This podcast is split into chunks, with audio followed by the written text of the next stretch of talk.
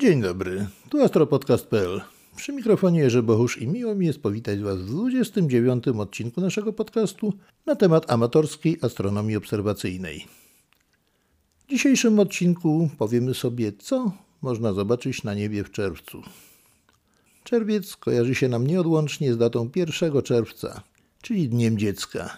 Z jedynym w swoim rodzaju świętem, świętem wszystkich dzieci. Dlatego też życzę dużo radości, pogody i szczerego uśmiechu wszystkim dzieciom, a także ich rodzicom. Czerwiec jest trudnym miesiącem pod względem obserwacyjnym.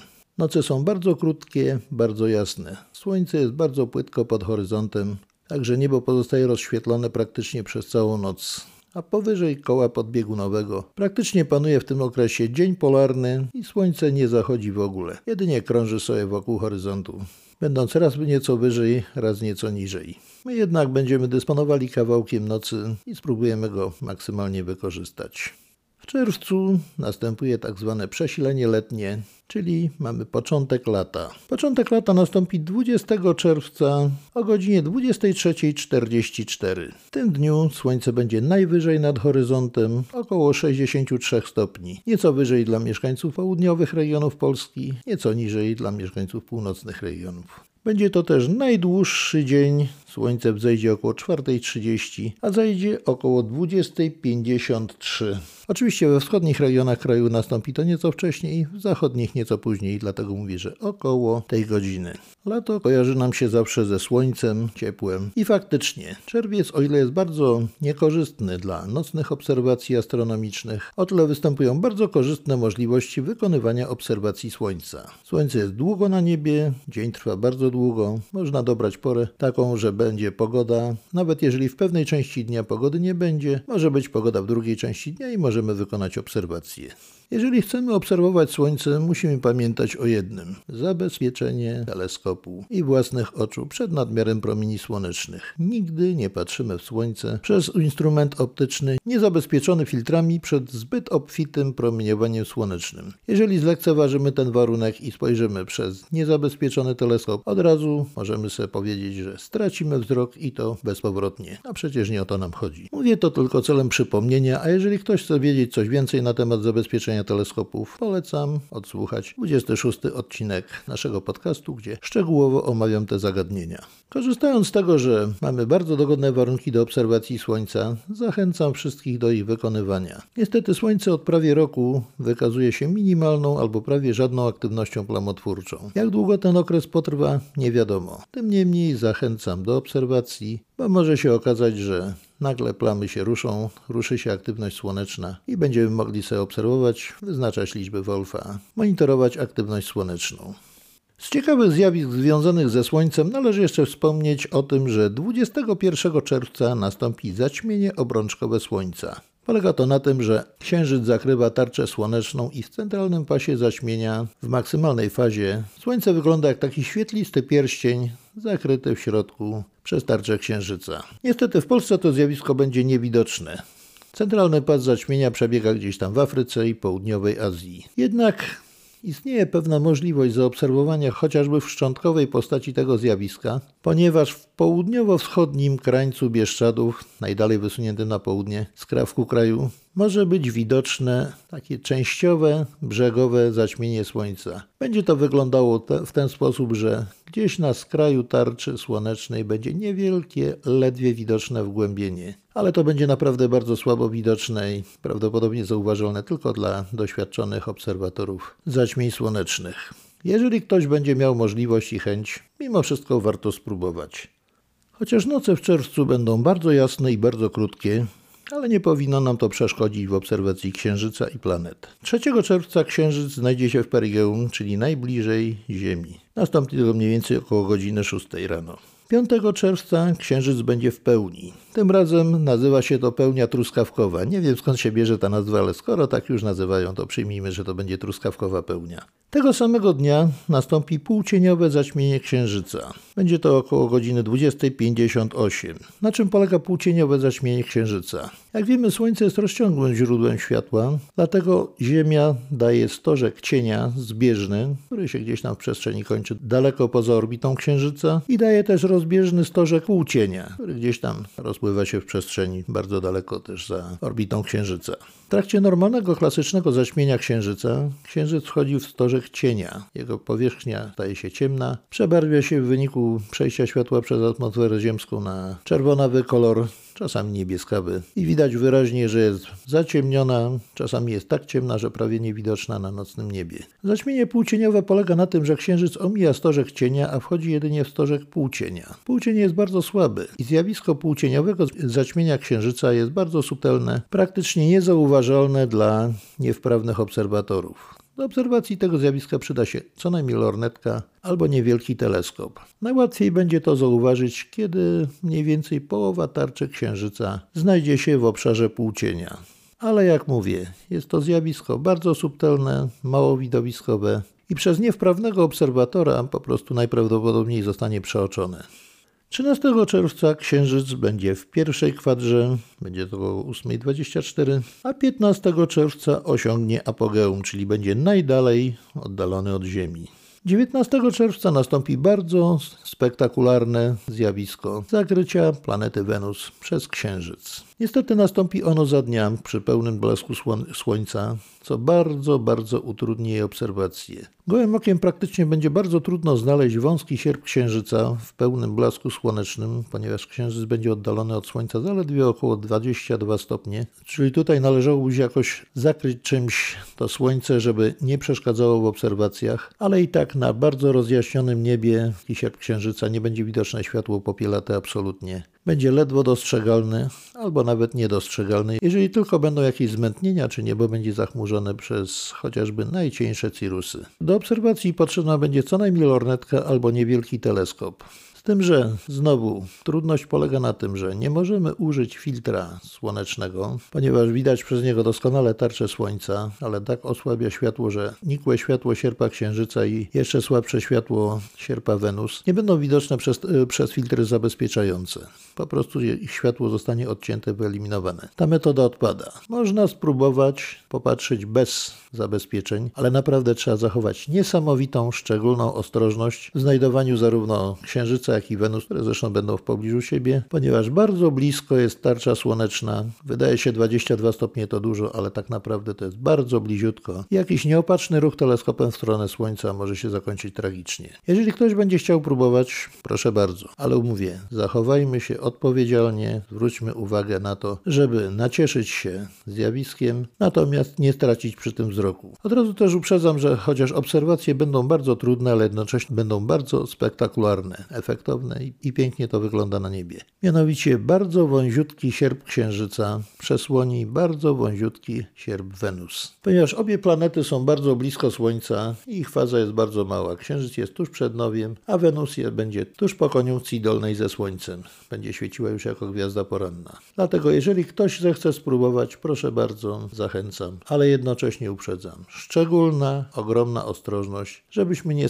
nie skierowali instrumentu optycznego niezabezpieczonego w tym przypadku w stronę Słońca, bo naprawdę może się to skończyć tragicznie, a nie o to przecież nam chodzi. Z drugiej strony zjawisko jest tak piękne, tak ciekawe, że warto na nie popatrzeć. Ale mówię, każdy z Was musi podjąć samodzielną decyzję i zachowywać się z pełną odpowiedzialnością, pamiętając o tym, że z jednej strony mamy piękne zjawisko, z drugiej zagrożenie dla naszych oczu. Decyzję pozostawiam Wam. Oczywiście zakrycie Wenus będzie widoczne tylko w pewnym pasie. Najlepiej podobno będzie widoczne na północno-wschodnich regionach kraju. W pozostałym regionie kraju poza pasem zakrycia będzie widoczne to jako bardzo bliskie przejście Księżyca koło planety Wenus. Będą dwa, dwa wąziutkie sierpy Księżyca bardzo blisko siebie, prawie stykające się. Jeden duży Księżyca, a drugi malutki Wenus. Piękne zjawisko, warto zobaczyć, ale jeszcze raz jak mówię, szczególna ostrożność jeżeli zachowamy pełne warunki bezpieczeństwa, zrobimy tą obserwację pewnie, będziemy mieli piękny widok. Jeżeli nie potrafimy, nie czujemy się na siłach, zrezygnujmy.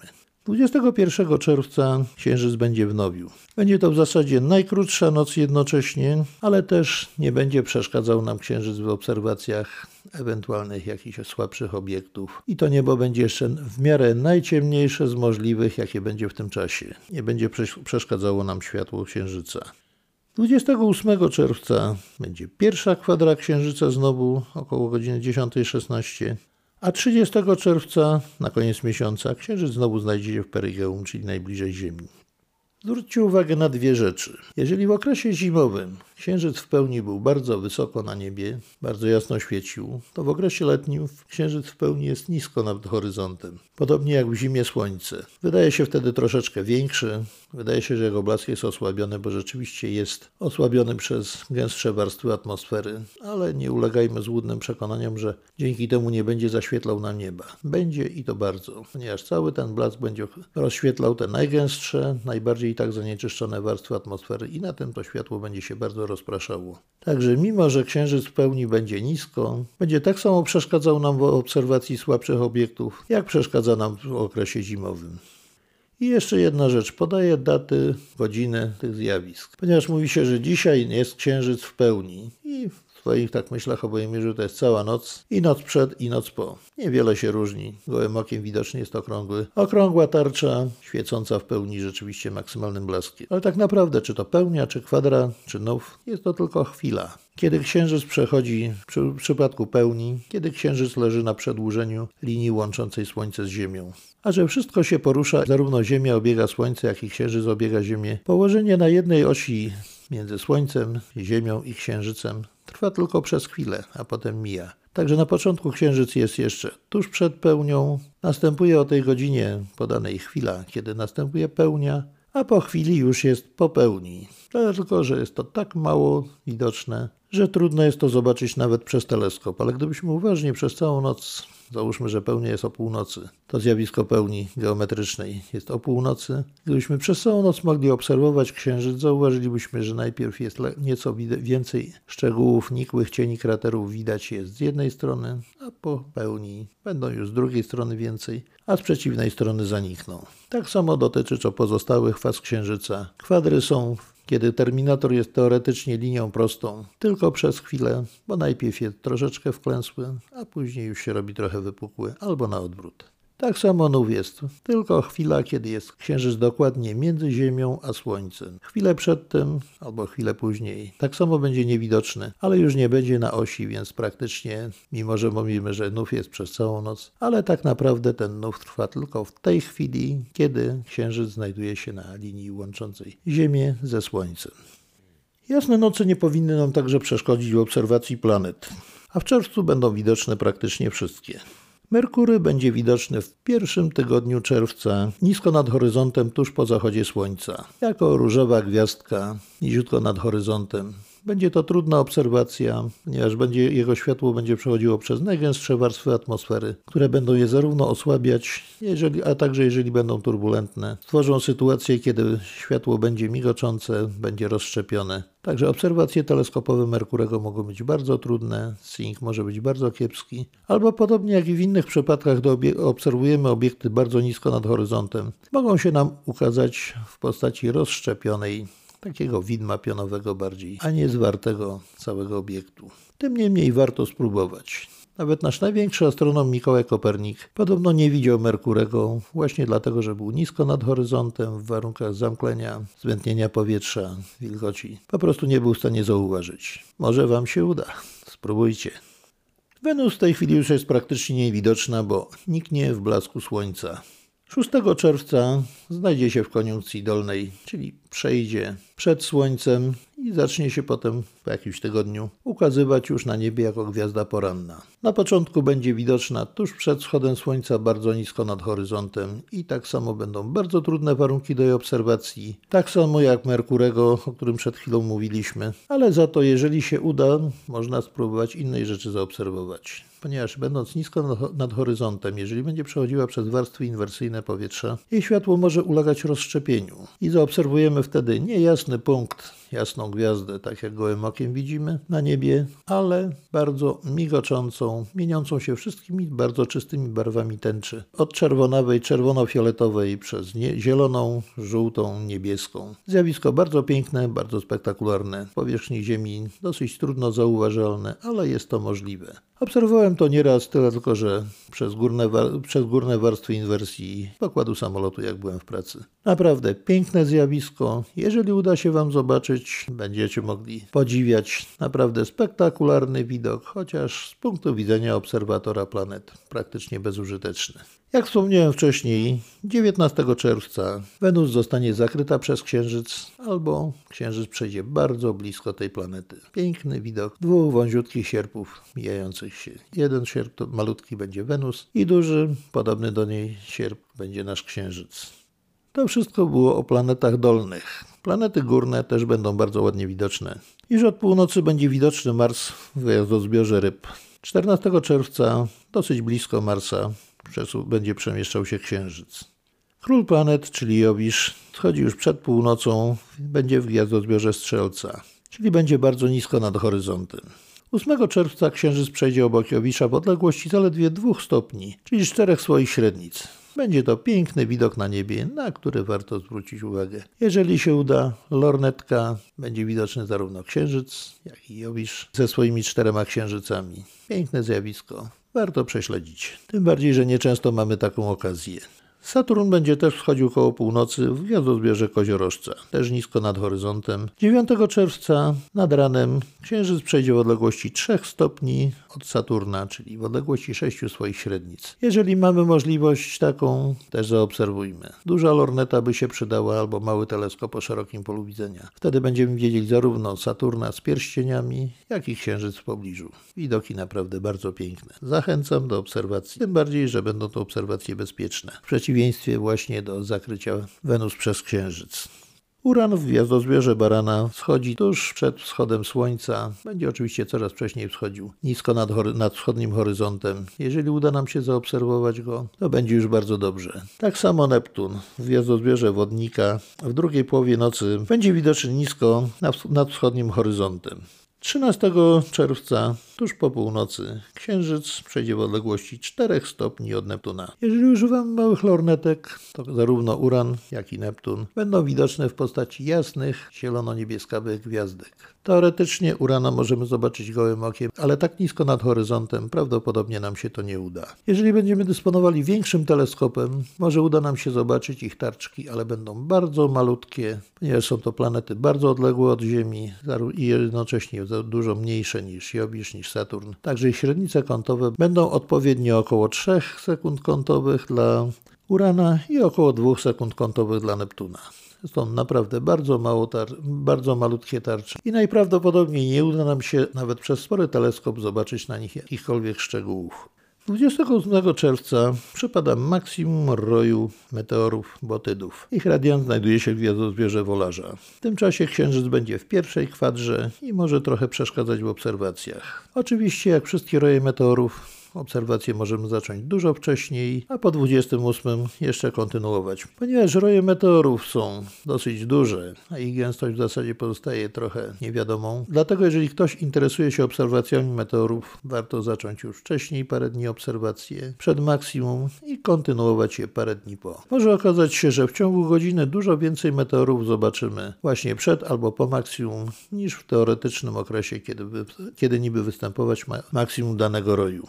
W czerwcu nie będzie specjalnie jasnych komet na niebie, a nawet te, które ewentualnie będą widoczne na tak jasnym niebie, będą bardzo trudne albo praktycznie niemożliwe do zobaczenia przez mało doświadczonych obserwatorów. Bardzo doświadczeni komeciarze oczywiście będą męczyć te komety i osiągną oczywiście jakieś tam rezultaty, ale dla niedoświadczonych obserwatorów na tak jasnym niebie mogą być one praktycznie niewidoczne. Zresztą do komet potrzebne jest zawsze ciemne niebo, wtedy rezultaty obserwacji są bardziej wiarygodne. Na jasnym niebie one są oczywiście zniekształcone, zarówno odnośnie jasności, jak i średnicy głowej i temu podobnych parametrów. Oczywiście tak jasne noce, jakie będą w czerwcu, wybitnie nie sprzyjają do obserwacji obiektów nie tylko komet, ale innych mgławicowych obiektów dalekiego nieba. Jeżeli jednak chcemy koniecznie zobaczyć przynajmniej jaśniejsze z nich, to musimy się uzbroić w cierpliwość i wyczaić okno obserwacyjne, jak ja to nazywam, kiedy niebo będzie najciemniejsze. Ponieważ czas jest przestawiony o godzinę do przodu, mamy czas letni, więc takie warunki występują od mniej więcej tuż przed północą do godziny około drugiej. Przed północą niebo będzie jeszcze długo bardzo jasne, szczególnie zachodniej, północnej i wschodniej części horyzontu, aż praktycznie do zenitu. Dopiero koło północy jeszcze na tyle się ściemni, że można popróbować przynajmniej jaśniejsze obiekty dalekiego nieba zobaczyć jakieś jaśniejsze galaktyki czy gromady gwiazd, a od godziny drugiej praktycznie zacznie się znowu rozjaśniać i coraz trudniej nam będzie obserwować niebo. A około godziny czwartej, kiedy słońce będzie już bardzo płytko pod horyzontem, niebo będzie jeszcze bez słońca, ale praktycznie już dzienne i oprócz księżyca, jasnych planet, nic nie zobaczymy. Także mimo trudnych, specyficznych dla czerwca warunków obserwacji, zachęcam do ich prowadzenia, jeżeli ktoś może. Jedna zaleta, mimo tych ciężkich warunków, jest to, że noce przeważnie bywają ciepłe i można sobie spokojnie wykonywać obserwacje. I to na dzisiaj wszystko. Słuchajcie astropodcastu.pl. Jak zawsze zachęcam Was do kontaktu, do komentowania na stronie astropodcast.pl, do kontaktu mailowego ewentualnie. Adresy są na stronie kontakt na witrynie astropodcast.pl, a także zachęcam do kontaktu w mediach społecznościowych Facebook, Instagram, Twitter. Zawsze na profilu Jerzy Bochusz. A dzisiaj już żegnam się z Wami. Życzę Wam miłego dnia albo dobrej nocy, zależnie kiedy tego słuchacie. A wszystkim obserwatorom życzę czystego nieba i udanych obserwacji. Do usłyszenia.